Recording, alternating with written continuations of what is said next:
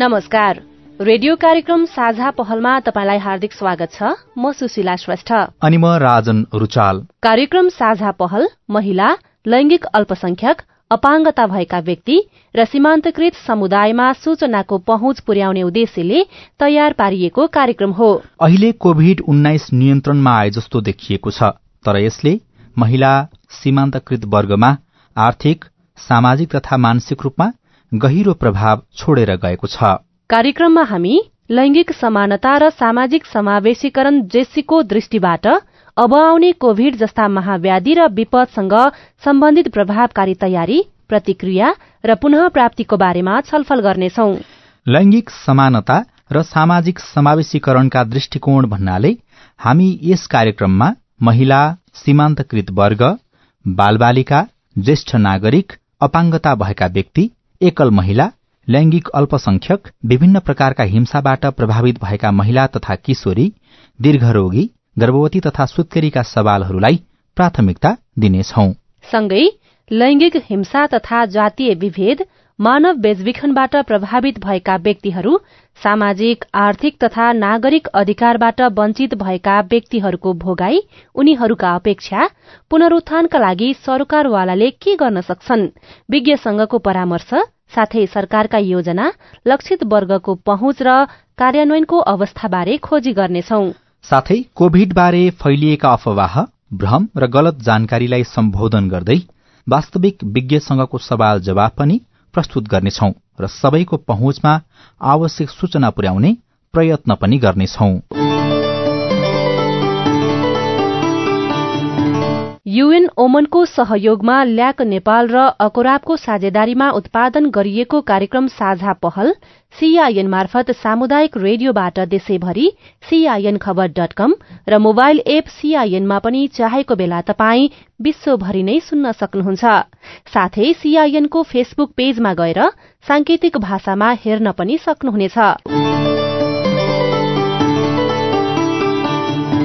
आजको कार्यक्रम साझा पहलमा हामी स्थानीय स्तरमा सेवा सुविधा प्राप्तिका लागि आवश्यक सूचनामा महिला दलित महिला अपाङ्गता भएका व्यक्ति लैंगिक अल्पसंख्यक लगायत सीमान्तकृत समुदायको पहुँचको अवस्था सूचनाको हकको उपलब्धताका लागि स्थानीय सरकारले गरेका अभ्यास र स्थानीय स्तरबाट प्रदान गरिने विपद प्रतिकार्य सम्बन्धी सूचनाहरू र ती सूचनामा उनीहरूको पहुँच वृद्धिका लागि के गर्न सकिन्छ भनेर विज्ञको भनाई पनि समावेश गर्नेछौ।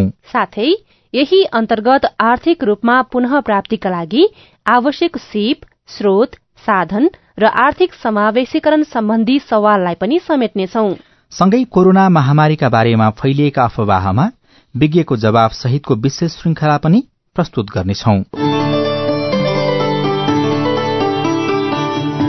कुनै पनि योजनाको निर्माण कार्यान्वयन अनुगमन र मूल्याङ्कन जस्ता हरेक कार्यको प्रमुख आधार सूचना हो। एक व्यक्ति वा समूहबाट अर्को व्यक्ति वा समूहमा सूचना विचार वा धारणा प्रसार गर्ने प्रक्रिया नै संचार हो भने संचारका लागि सूचना अपरिहार्य छ। नेपालमा पहिलो पटक नेपालको संविधान दुई हजार सत्तालिसमा सूचनाको हकलाई संविधानमा नै राखिएको थियो। अहिलेको नेपालको संविधानको धारा सत्ताइसमा मौलिक हकको रूपमा सूचनाको हकलाई राखिएको छ। सूचनाको हकलाई प्रचलन गराउनको लागि सूचनाको हक सम्बन्धी ऐन दुई हजार चौसठी र नियमावली दुई हजार पैंसठी जारी गरी कानूनी व्यवस्था समेत गरिएको छ। स्थानीय नागरिकमाझ सरकारका सेवा सुविधा सरल र सहज तरिकाले उपलब्ध गराउन स्थानीय सरकारको परिकल्पना गरियो र सोही अनुरूप स्थानीय सरकार पनि गठन गरियो। तर स्थानीय स्तरबाट उपलब्ध हुने सेवा र सुविधाबारे लक्षित समुदाय बेखबर रहने स्थिति समेत देखिएको छ। स्थानीय स्तरमा उपलब्ध हुने सेवा र सुविधाका बारे समयमै सूचना पाउन नसक्दा महिला दलित महिला यौनिक तथा लैंगिक अल्पसंख्यक अपाङ्गता भएका व्यक्ति लगायत सीमान्तकृत समुदायका व्यक्तिहरू सुविधा लिनबाट वञ्चित भएका गुनासोहरू सुनिने गरेको छ। के? वास्तवमै उनीहरूको सेवामा सरल पहुँच पुग्न सकेको छैन त? हामीले रूपन्देहीका केही महिलाहरू त्यसमा पनि दलित समुदायका महिला यौनिक तथा लैंगिक अल्पसंख्यक समुदाय अपाङ्गता भएका व्यक्ति लगायत सीमान्तकृत वर्गलाई सोधेका छौं।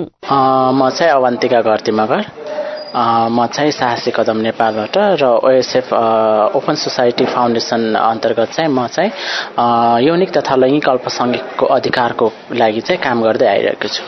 पहुँचको कुरा गर्नुपर्दा चाहिँ अहिले चाहिँ त्यति हामीलाई त्यति न त्यति थाहा भएको पनि छैन। सूचनामा चाहिँ हाम्रो त्यति पहुँच भएको छैन अहिले चाहिँ।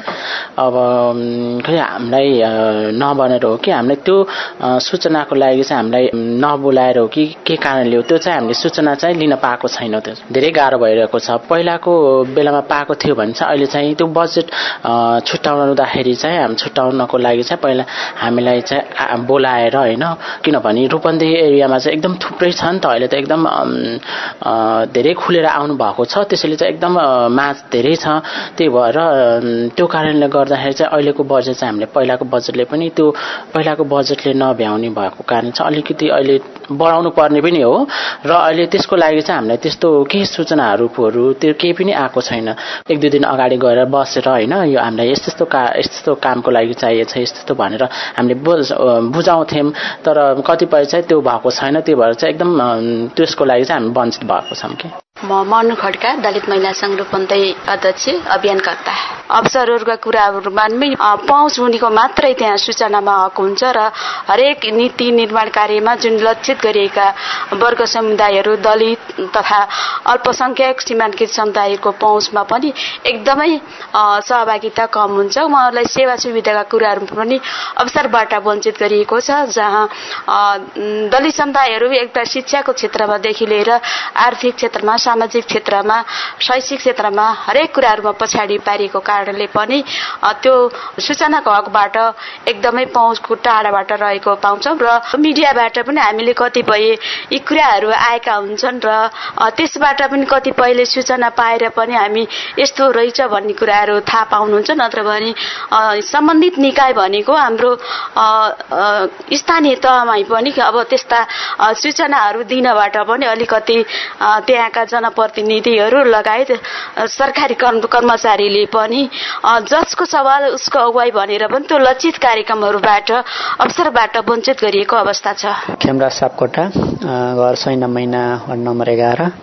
म यो दृष्टिबिन उत्थान सङ्घको सदस्य। कतिपय स्थानहरूमा त लगभग ठिकै ठिकै पनि छ। कतिपय स्थानीय तहहरूमा के हुन्छ भने म आफै एउटा लो भिजन भएको कारणले गर्दा सूचनाहरू के हुन्छ भने कहिलेकाहीँ सानो अक्षरमा हुन्छ। अनि गर्दा मैले आफै पढ्न सक्दैन कतिपय टोटल ब्लाइन्डहरू कति पनि नदेख्ने साथीहरू हुनुहुन्छ। उहाँले त झन् कहिलेकाहीँ फोटो मात्रै राखेर सूचना सूचना फोटो मात्रै राखेर पनि हुन्छ। त्यसले गर्दा सूचना कतिपय सूचना राम्रोसँग लि सूचना लिन सक्नु उहाँको सूचनाबाट सूचनाको पहुँचबाट टाढा हुनुहुन्छ। स्थानीय तहले सूचना सूचना राख्दाखेरि अडियोमा पनि हुने गरी यदि राख्नुभयो भने त्यसलाई हरेक दृष्टिबिनहरूले पनि स्थानीय विभिन्न सूचनाहरू आफै प्राप्त गर्ने मौका पाउन सक्नुहुन्छ। कुनै सूचना प्रकाशित हुन्छ म्याद गएपछि बल्ल थाहा हुन्छ। किनभने आफूले जस्तो फेसबुकहरू उसमा इमेलहरूमा पोस्ट गरे हुन्छ आफूले पढ्न सकिँदैन सकिँदैन। कतिपय पछि अरूबाट थाहा पाउँदा त्यो ढिला भइसकेको हुन्छ के?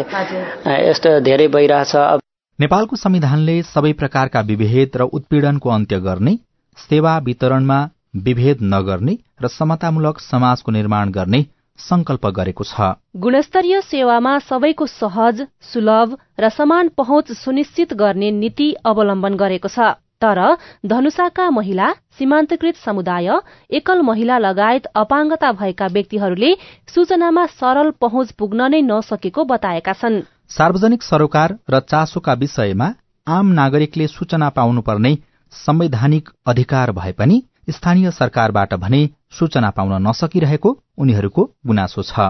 सहज तरिकाले सूचना दिन अझैसम्म पनि स्थानीय सरकार र सम्बन्धित निकायका सूचना अधिकारीहरूले आनाकानी गरिरहेको सेवाग्राहीको गुनासो छ। धनुषाबाट साथी विनोद महत्वको रिपोर्ट। संवैधानिक रूपमा प्रत्येक नागरिकलाई सार्वजनिक सरोकारका कुनै पनि विषयमा सूचना माग्ने र पाउने हक हुन्छ। तर देशको तीन तहकै सरकार वा सार्वजनिक संघ संस्था र निकायबाट आम नागरिकले भने सहज रूपमा अझै पनि सूचना पाउन नसकिरहेको अवस्था छ। जसको कारण सम्बन्धित निकायमा सूचना माग्न कमै नागरिक जाने गरेको धनुषाका सूचना अभियन्ता शैलेन्द्र महतो बताउनुहुन्छ। स्थानीय तहहरूमा खास गरी मैले सूचनाको हक प्रयोग गरिरहँदा त्यहाँबाट सहजै सूचना उपलब्ध हुँदैन। कारण के छ भने त्यो अभ्यास पनि भएको छैन र कतै काहीँ अभ्यास हुँदा पनि सहज रूपमा सूचना दिइरहेको छैन। सूचनाको हक चाहिँ प्रयोग खासै चाहिँ स्थानीय तहहरूमा भइरहेको छैन र हुँदा पनि खासै सूचना दिन चाहिँ स्थानीय तहहरूले मानिरहेको हुँदैन। सूचना माग्दा सहजै सूचना पाउने अवस्था नहुनु झन्झटिलो प्रक्रियाका कारण सूचनामा सबैको सहज पहुँच हुन नसकेको स्थानीयको भनाइ छ। स्थानीय स्तरबाट प्रदान गरिने सेवा सुविधाहरू बारे जानकारी माग्दा समेत कर्मचारीहरूले व्यवस्था गर्ने गरेको छ भने सूचना माग्न जाँदा किन चाहियो के गर्ने सूचना लिएर छैन जाऊ वेबसाइटमा खोज भनेर हप्की दप्की समेत गर्ने गरेको जनकपुर चौधका खुसबु सिंह बताउनुहुन्छ। यहाँ त हामीहरूले केही सुविधा पाएको छैन। सबै कार्यालयहरूमा जस्तै राखिदिएको हुन्छ सूचना टाइम टाइममा दिनुपर्ने तर हामीहरूले केही पाएको हुँदैन। जस्तै कि अस्ति हामीले यहाँ सोधेको थियौँ प्रतिष्ठानमा कि हाम्रो इक्जाम कहिलेदेखि छ भनेर अनि उहाँहरूले भन्नुभयो कि वेबसाइटमा हालिदिन्छ। तर वेबसाइटमा हाल्नु नै हुन्न अनि त्यो त भन्नु पर्यो नि। त्यहाँ जाँदा त केही भन्नुहुन्न पठाइदिनुहुन्छ। उनीहरूले त खै नराम्ररी बोलिदिनुहुन्छ। आजसम्म त हामीले पाएको छैन। त्यहाँ गएर पनि सोद्धा यस्तो केही भन्नुहुन्न। जे सुविधा छ त्यो दिनु पर्यो। हामीहरूको पनि हक छ। समयमा सूचना नपाउँदा आफू र स्थानीय स्तरको सेवा सुविधाहरूबाट समेत वञ्चित हुने अवस्थामा रहेको उहाँको गुनासो छ। नामको लागि कतिपय कार्यालयमा सूचना अधिकारी भए पनि पूर्ण सूचना भने उनीहरूले दिन नसक्ने भन्दै विभिन्न बहाना बनाएर पन्छिने गरेको भए पनि सूचना पाउने आफूहरूको हक रहेको रहेको उहाँको भनाइ छ। पालिकामा कहाँ के भइरहेको छ कहाँ के हुनेछ लगायत सार्वजनिक चासो र सरोकारका विषयमा समेत पालिकाले सूचना प्रवाह नगर्दा आफूहरू सूचना पाउन नसकेको मिथिला नगरपालिकाका नगर स्तरीय बाल क्लबका प्रतिनिधि सीमा कुमारी महतो बताउनुहुन्छ। सूचना प्राप्त गर्न निकै नै गाह्रो छ।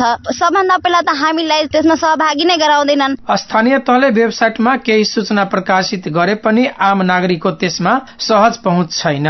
सबैको सहजताका लागि सार्वजनिक रूपमा सूचना सम्प्रेषण गर्नुपर्ने उहाँको माग छ। तर नागरिकले रितपूर्वक निवेदन दिएमा आफूहरू दिने खालको सूचना तत्कालै दिने गरेको मिथिला नगरपालिकाका सूचना अधिकारी दिपेश काफले बताउनुहुन्छ। मिथिला नगरपालिकामा आम नागरिकको सूचनाको पहुँच विषयमा कुरा गर्दाखेरि नागरिकले चाहिँ आफूलाई चाहिने सूचना उहाँहरूले माग गर्नुहुन्छ। लिखित रूपमा निवेदन दिनुहुन्छ। सूचनाको हक प्रयोग गर्दै सूचना अधिकारी समक्ष। त्यसपछि उहाँहरूलाई कतिपय सूचना सूचना अधिकारीको पहुँचमा रहेका सूचना उहाँलाई जानकारी भएका सूचना तत्कालै पाउन सक्ने अवस्था छ। कतिपय चाहिँ सम्बन्धित शाखासँग सूचना मागेर अनि उहाँहरूलाई दिनुपर्ने हुन्छ। त्यसको लागि चाहिँ केही समय लाग्छ।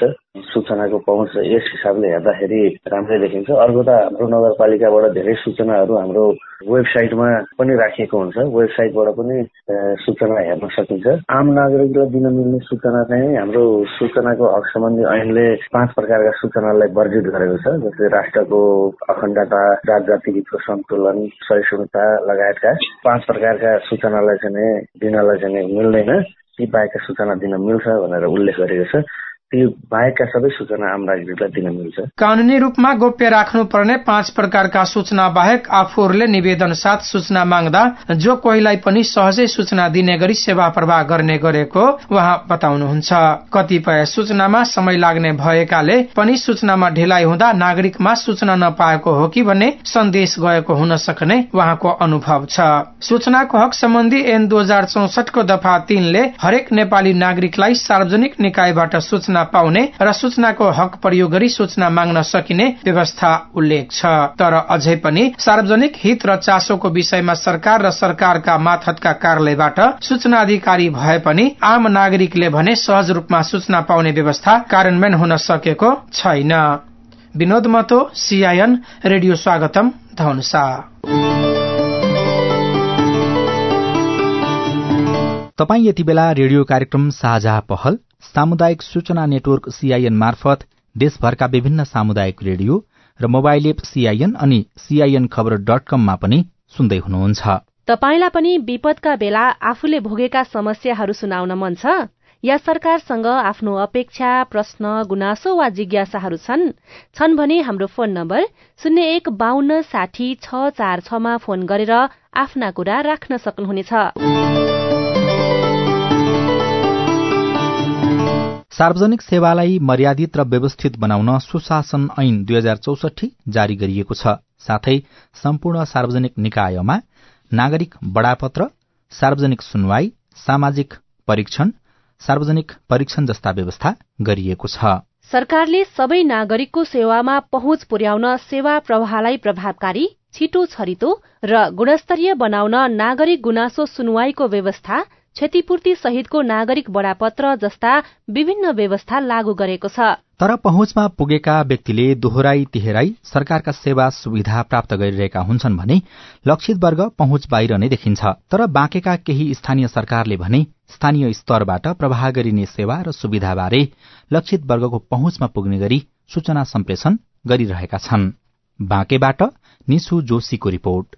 एउटा छाडा पशु चौपाईको व्यवस्थापन गर्नु पर्यो त्यसको सम्बन्धमा मागेको थियौँ गाउँपालिका नगरपालिका दिन चाहिँ दिए अदालतबाट मुद्दा पनि जितियो। नेपालगंजकी अधिकार कर्मी लक्ष्मी तिवारी नेपालगंजमा देखिएका समस्याबारे उहाँले बेला बखतमा सूचना माग गर्ने गर्नुभएको छ। पहिलेको तुलनामा स्थानीय तहहरूबाट सूचना पाउन सहज भएको उहाँ बताउनुहुन्छ। ध्वनि प्रदूषण वातावरण प्रदूषण महिला बालबालिका सम्बन्धमा पनि हामीले चाहिँ यस्ता सूचनाहरू माग गर्यौं विगतलाई हेरेर आज चाहिँ नगरपालिका गाउँपालिकाले सूचना चाहिँ दिनै रहेको अवस्था उहाँ जस्तै अनुभव छ अर्का शैलेन्द्र कुमार वैश्यको मानवाधिकार सूचना तथा अनुसन्धान केन्द्रका सदस्य समेत रहनुभएका वैश्य बाँकेका स्थानीय तहहरूलाई सूचनाको हक प्रदान गर्नुपर्ने दबावसँगै संस्थाले तालिम पनि प्रदान गर्दै आएको बताउनुहुन्छ। यससँगै संस्थाले मानवाधिकार र सामाजिक विषयवस्तुमा पालिकासँग बेला बेलामा सूचना माग गर्ने गरेको छ। नगरपालिकाले के कार्य गरिरहेछ गाउँपालिकाले के कार्य गरिरहेछ के विकासको कार्य गरिरहेछ के नागरिक समाजको लागि कार्य गरिरहेछ ज्येष्ठ नागरिकको लागि कार्य गरिरहेछ महिलाको लागि के छ अपाङ्गको लागि के छ त्यो सूचना पाउनको लागि हामीहरूले नगरपालिका वडाहरूमा गएर वडाका वडा अध्यक्ष समेतलाई हामीले त्यसको ट्रेनिङ पनि दियौँ। नगरपालिकाले कतिवटा सूचना दियो पनि। मृत्यु भएको मान्छेलाई दाह संस्कार गर्ने सूचना माग्यौँ। त्यो सूचना पाएर कसैले त्यो व्यवस्था नगरेको अवस्थामा पिआइएल गर्यौँ अहिले अदालतले आदेश पनि गरिसक्यो। बाँकेको नेपालगंज उपमहानगरपालिका कोहलपुर नगरपालिका खजुरा गाउँपालिका लगायतका केही पालिकाले वेबसाइट फेसबुक लगायतका सामाजिक सञ्जाल मार्फत सूचना दिँदै आएका छन्। कोहलपुर नगरपालिकाले त बोर्ड बैठकहरू नै सामाजिक सञ्जालमा प्रत्यक्ष प्रसारण समेत गर्दै आएको छ। उपप्रमुख संगीता सुवेदी। सूचनाको हकमा कुरा गर्नु पर्दा चाहिँ हामीले हामी निर्वाचित भएर आएको दिनदेखि नै कार्यपालिकाका बैठकका निर्णयहरू हामी भोलिपल्ट नै हामीले हाम्रो फेसबुक नगरपालिकाको फेसबुक मिडिया मार्फत सूचना प्रकाशन गरिरहेका छौँ होइन? कार्यक्रमको त हामी फेसबुक मार्फत नै गरिरहेको छौँ होइन? डुडुवा गाउँपालिकाले वेबसाइटको निर्माण गरिसकेको छैन। यस्तो अवस्थामा विपद व्यवस्थापनदेखि लिएर अन्य गतिविधिहरूको बारेमा सूचना अधिकारी मार्फत जानकारी दिने गरिएको गाउँपालिकाका अध्यक्ष नरेन्द्र चौधरी बताउनुहुन्छ। सूचना अधिकारी तोकेको अनि निवेदन दिइसकेपछि एउटा समय सिड्युल छ नि यति दिनभित्र दिने त्यही हिसाबले हामीले दिने गरेछौँ अनलाइन सिस्टम अब बनाउने हो एलओसी हामीले गठन गरेछौँ। अब बनाउने हो तर अहिले चाहिँ अनलाइन छैन। हाम्रो सूचना अधिकारी मार्फत नै। लोकतन्त्रको जग बलियो बनाउनका लागि सूचना दिनु जरुरी रहेको अधिवक्ता विश्वजित तिवारी बताउनुहुन्छ। कानूनले के भन्छ भने सूचनाको हक सम्बन्धी ऐनले पन्ध्र दिनभित्र सूचना दिनुपर्छ। तर तत्काल मागेको सूचना जीवनसँग सम्बन्धित छ भने चौबिस घण्टा भित्रै दिनु पर्यो यो कानूनको र नागरिकको चाहिँ एउटा मौलिक हक अधिकारको चाहिँ हनन भएको हामीले महसुस पनि गरेका छौँ। जुन सूचना अपडेट अध्यावधिहरू गर्नुपर्ने त्यो अध्यावधिहरू गरिरहेको पाइँदैन। त्यसले गर्दाखेरि के भयो भने लोकतन्त्रलाई बचाउनु छ भने सूचनाको हकलाई एकदम जीवित पार्नको लागि उहाँले स्वतः स्फूर्त रूपमा आफैले सूचनाहरू दिनुपर्छ। सूचना मैत्री भयो भने त्यसले के हुन्छ भने लोकतन्त्रको जग चाहिँ बलियो हुन्छ। स्थानीय सरकार सरकारले तय गरेका कार्यक्रम र बजेटको कार्यान्वयन नीति निर्माण एवं महत्वपूर्ण निर्णयहरू कार्यपालिका बैठकबाटै हुने गरेका छन्। जनतासँग प्रत्यक्ष सरोकार राख्ने निर्णय विपद व्यवस्थापन लगायतका विभिन्न सूचना सार्वजनिक नगरिनु सुशासनको विपरीत भएको अभियन्ताहरू बताउँछन्। पालिकाहरू सूचना मैत्री बन्दै गएको भए पनि प्रविधिसँगै सूचना पनि छिटो प्रवाह गर्नुपर्ने आवश्यकता देखिएको उनीहरूको भनाइ छ। सूचनाको हक सार्वजनिक कार्यको खबरदारी हो। यो विकृति विरूद्धको अभियान पनि हो। यसलाई सार्वजनिक निकायको गतिविधिलाई निहाल्ने माध्यमको रूपमा व्यापक प्रयोग गरिएको छ। यसबाट सार्वजनिक निकाय सच्चिने र सुध्रिने अवसर पाउँछन्। महिला अझ त्यसमा पनि दलित महिला अपाङ्गता भएका व्यक्ति सीमान्तकृत समुदाय लगायत यौनिक तथा लैंगिक अल्पसंख्यक व्यक्तिको सेवामा पहुँच पुग्न पहिले सूचनामा उनीहरूको पहुँच पुग्न आवश्यक छ। स्थानीय स्तरबाट उपलब्ध हुने सेवा सुविधाका बारे सूचनामा उनीहरूको पहुँच वृद्धि गर्न के गर्न सकिन्छ? यस विषयका जानकार पुरूषोत्तम नेपालसँग हामीले कुराकानी गरेका छौं। अब यसमा दुईटा पक्ष छ। पहिला चाहिँ यो गैर सरकारी संस्था नागरिक समाज नागरिक सचेतना केन्द्र सामाजिक परिचालन भन्ने विषयवस्तुहरू थिए निर्वाचनभन्दा अगाडि जुन चौहत्तर साल अगाडिको अवस्था। चौहत्तर सालमा निर्वाचित जनप्रतिनिधि भइसकेपछि वडा अब छ हजार सात सय त्रिचालिसवटा वडा छन् वडागत रूपमा पाँच पाँचजना जनप्रतिनिधि हुने भएपछि यो सायद अलिक कम भए नि हुन्छ होला भन्ने किसिमको सोच भएर ती पहिलाका संस्थाहरू त्यति निरन्तरता पाएनन्। त्यसले गर्दाखेरि अलिअलि समस्या आइराखेको छ। तथापि अहिले धेरैवटा पालिकाले चाहिँ टोल विकास संस्था र सामाजिक परिचालकलाई प्रयोग गरेर सूचनाहरू दिइराखेको पनि छ। तर धेरै केही संस्था स्थानीय तहले तर धेरै स्थानीय तहले चाहिँ यो काम गर्न बाँकी छ।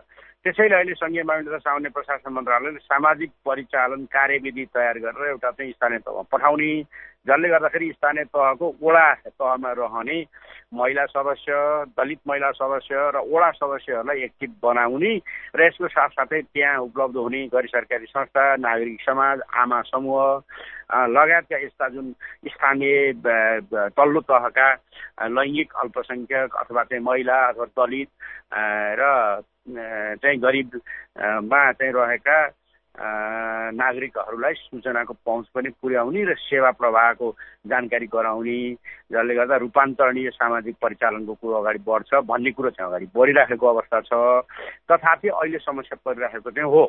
त्यसैको लागि मेरो सल्लाह चाहिँ के हो? स्थानीय तहका निर्वाचित जनप्रतिनिधिहरू उहाँहरू भर्खर निर्वाचित हुनुभएको छ दोस्रो तहमा। कतिपय अगाडिका कुराहरू राम्रा अभ्यास छन् भने त्यसलाई निरन्तरता हुन्छ। अब कसैले त्यस्तो अभ्यास गर्नु भएको छैन भने एउटा वडामा पाँचजना जनप्रतिनिधि हुन्छ एकजना वडा अध्यक्ष र चारजना वडा सदस्य। वडा सदस्यहरूको काम बाँड्नाले गर्दाखेरि सामाजिक परिचालन र स्थानीय सङ्घ संस्थाको समन्वयको जिम्मेवारी कुनै एउटा अथवा दुईवटा सदस्यहरूलाई भेग घेरेर जिम्मा दिनु पर्यो अनि त्यसको साथसाथै स्थानीय तहमा वडा तहमा टोल विकास संस्था महिला समूह आमा समूह वन उपभोक्ता समूह र त्यसको साथसाथै नागरिक संस्थाना केन्द्र योसँग अगाडि गठन भएका संस्थाना केन्द्रलाई धेरै संस्थाहरू छन्। ती संस्थाहरूसँग समन्वय गरेर ती संस्था मार्फत यसलाई चाहिँ रणनीतिक सञ्चार भन्छन्। यो चाहिँ पालिकाले लिएका निर्णयहरू पालिकाले दिने सेवाका विषयवस्तुहरू र पालिका मार्फत जाने सङ्घीय तथा प्रदेश तहका सेवाहरूको पनि सेवाग्राहीहरूलाई जानकारी दिने व्यवस्था गर्नुपर्छ। र त्यसको साथसाथै स्थानीय एफएमहरू छन् अनि नागरिक बडापत्रमा पनि यी कुराहरू जानकारीमा राख्नु पर्यो एफएम अहिले सबैको पहुँचमा छ र कतिपय चाहिँ हामीले मोबाइल एसएमएसद्वारा सूचना पनि पठाउन सकिन्छ। त्यो रणनीति लियो भने अहिलेको समस्या समाधान हुन्छ भन्ने लाग्छ मलाई। कार्यक्रममा अब भने कोरोना र कोरोनाको खोपबारे फैलिएका अफवाहबारे विज्ञसँगको सवाल जवाब सहितको विशेष श्रृंखला कोभिड बारेको भ्रम र यथार्थ जसमा जवाफ दिँदै हुनुहुन्छ स्वास्थ्य तथा जनसंख्या मन्त्रालयका सहप्रवक्ता डाक्टर समीर कुमार अधिकारी। नमस्कार म युनिसा कोभिड संक्रमण भएका व्यक्तिको स्मरण शक्ति कमजोर हुन्छ अरे भनेको सुनेको छु। के यस्तै हुन्छ त? त्यस्तो हुँदैन। त्यसरी स्मरण शक्ति कमजोर हुने अथवा त्यसले हामीले सम्झिने कुराहरूमा कमजोर हुँदै जाने भन्ने कुराहरू त्यस्तो देखिएको छैन। हामीलाई म सङ्क्रमित थिएँ म बिरामी थिएँ भन्ने मानसपटलमा लागिराख्ने अलिक पछिसम्म कमजोर भएको जस्तो महसुस हुने हाम्रो मानसिकता अथवा हामीलाई त्यो महसुस हुने हामीलाई त्यो आभास हुने कुराहरू हो। त्यस्तोमा हामीले नियमित आराम गर्ने पौष्टिक आहारहरू खाने नियमित आराम भनेको हामीलाई चाहिने किसिमका आराम विरामहरू गर्ने बिहारहरू गर्ने खानेकुराहरू मिलाएर खाने यी सबै कुराहरूलाई र हाम्रो दैनिक गर्नुपर्ने क्रियाकलापहरूमा हामी सक्रिय जीवन जिउने गर्दा त्यस किसिमको सम्झना पनि बिस्तारै भुलिँदै गइन्छ र हामी हामी बलियो पनि हुँदै जाने अवस्था हुन्छ शारीरिक रूपमा मानसिक रूपमा। त्यसरी स्मरणहरू नै कम हुने भन्ने खालको तथ्यहरू अहिलेसम्म फेला परेको अवस्था छैन। नमस्कार म रोहित। मैले सुनेको कोरोना संक्रमण भएका व्यक्तिमा निको भएपछि पनि लामो समयसम्म फोक्सोमा असर गर्छ भनेर। के यो साँचो हो? यदि हो भने असर कम गर्न के गर्न सकिन्छ? रोहितजी धन्यवाद प्रश्नको लागि। अब कोभिड उन्नाइसको संक्रमण भइसकेपछि प्रभाव पर्ने अङ्ग सबभन्दा पहिले प्रभाव पर्ने अङ्ग भनेको फोक्सो नै हो। फोक्सोमा चोट हुन्छ फोक्सोमा त्यसले पारेको अरू प्रभावहरू हुन्छ। त्यो प्रभावका कारणले केही कमजोर केही खोट भनौँ अथवा त्यसलाई हामीले चोट भनौँ खत रहने भन्ने बाहिरको छालामा हुँदा भने जस्तै केही समय त्यहाँ भएको घाउहरू त्यहाँ भएका अरू परिवर्तनहरू निको भएर पुरानै अवस्थामा आउनका लागि केही समय लाग्ने हुन्छ। यस्तोमा हाम्रो एकदम संयमित आहार विहार एकदम पोषणयुक्त खानेकुराहरू र सँगसँगै हामीले गर्ने क्रियाकलाप शारीरिक क्रियाकलापहरूले पनि फरक पार्छन्। यसमा हामी नियमित ख्याल गर्दै हाम्रो दैनिकीहरू गर्नुपर्ने हुन्छ। नमस्कार म त्रिवेणी दुई सिउँदुबाट हो। मेरो नाम तिलक यो मेरो खोप छुटिसके छुट्या छ। यो खोप कहाँ गएर लाउने? मेरो जिज्ञासा यही हो। यसरी खोप लगाउने वर्ग भनेर सार्वजनिक भएर त्यो पालो सकिसक्दा तपाईँ हामी खोप लगाउन छुटेका छौँ भने हामीले आफ्नो स्थानीय तहमा भनेको आफ्नो गाउँपालिका आफ्नो नगरपालिकामा त्यहाँ स्वास्थ्य हेर्ने स्वास्थ्यको कार्यक्रम हेर्ने एकजना तोकिएको व्यक्ति हुनुहुन्छ अथवा हाम्रा जनप्रतिनिधिहरू हुनुहुन्छ हाम्रा अध्यक्षहरू उपाध्यक्षहरू मेयर अधिकारीहरू उहाँहरूसँग गर्दाखेरि त्यो स्थानीय तहमा सम्पर्क गर्दा त्यो स्थानीय तहमा कहिले खोप आउँछ कहिले अभियान सञ्चालन हुन्छ भन्ने कुराहरू उहाँहरूले जानकारी दिन सक्नुहुन्छ। यो सँगै अब हामी कार्यक्रमको अन्त्यमा आइपुगेका छौं। आजको कार्यक्रम साझा पहलमा हामीले स्थानीय स्तरका सेवा सुविधा प्राप्तिका लागि आवश्यक सूचनामा महिला दलित महिला अपाङ्गता भएका व्यक्ति लैंगिक अल्पसंख्यक लगायत सीमान्तकृत समुदायको पहुँचको अवस्था सूचनाको हकको लागि स्थानीय सरकारले गरेका राम्रा अभ्यासका बारेमा छलफल गर्यौं। साथै ती सूचनामा उनीहरूको पहुँच वृद्धि गर्नका लागि के गर्न सकिन्छ विज्ञको भनाई पनि समावेश गर्यौं। सामान्यतय अन्य समुदाय भन्दा महिला दलित समुदायका परिवार यौनिक तथा लैंगिक अल्पसंख्यक अपाङ्गता भएका व्यक्ति लगायत सीमान्तकृत समुदाय स्थानीय स्तरबाट प्रदान गरिने सेवा सुविधा उपभोगबाट वञ्चित भइरहेका हुन्छन्। सेवा सुविधाबारे सूचना नै नपुग्दा उनीहरू सेवा लिनबाट वञ्चित भएका छन्। महिला बाल बालिका ज्येष्ठ नागरिक अपाङ्ग मैत्री योनिक अल्पसंख्यक मैत्री सूचना सम्प्रेषण विधिको छनौट नहुँदा पनि सूचनाको हक कार्यान्वयनमा समस्या देखा परिरहेको छ। यो समस्या समाधानका लागि सूचनामा उनीहरूको सरल पहुँच र कार्यक्रम तथा नीतिमा उनीहरूलाई प्राथमिकतामा राखिनु आवश्यक देखिन्छ। कार्यक्रम साझा पहलको आजको अंकबाट भने विदा लिने समय भएको छ। तपाईलाई तपाईँको पालिका वा सरकारवालासँग केही सोध्न भन्न जान्न बुझ्न वा समस्या सुनाउन मन छ भने हामीलाई सम्पर्क गर्न सक्नुहुनेछ। केही प्रश्न प्रतिक्रिया र टिप्पणी छन् भने हाम्रो टेलिफोन नम्बर शून्य एक बान्न साठी छ चार छमा फोन गरेर रेकर्ड गराउन सक्नुहुनेछ। आजका लागि प्राविधिक साथी सुभाष पन्तलाई धन्यवाद। साथै कार्यक्रमलाई सांकेतिक भाषामा अनुवाद गर्ने साथी उमा पौडेललाई पनि धन्यवाद दिँदै अहिलेको रेडियो कार्यक्रम साझा पहलबाट म सुशीला श्रेष्ठ। अनि म राजन रुचाल पनि विदा भयौं। नमस्कार।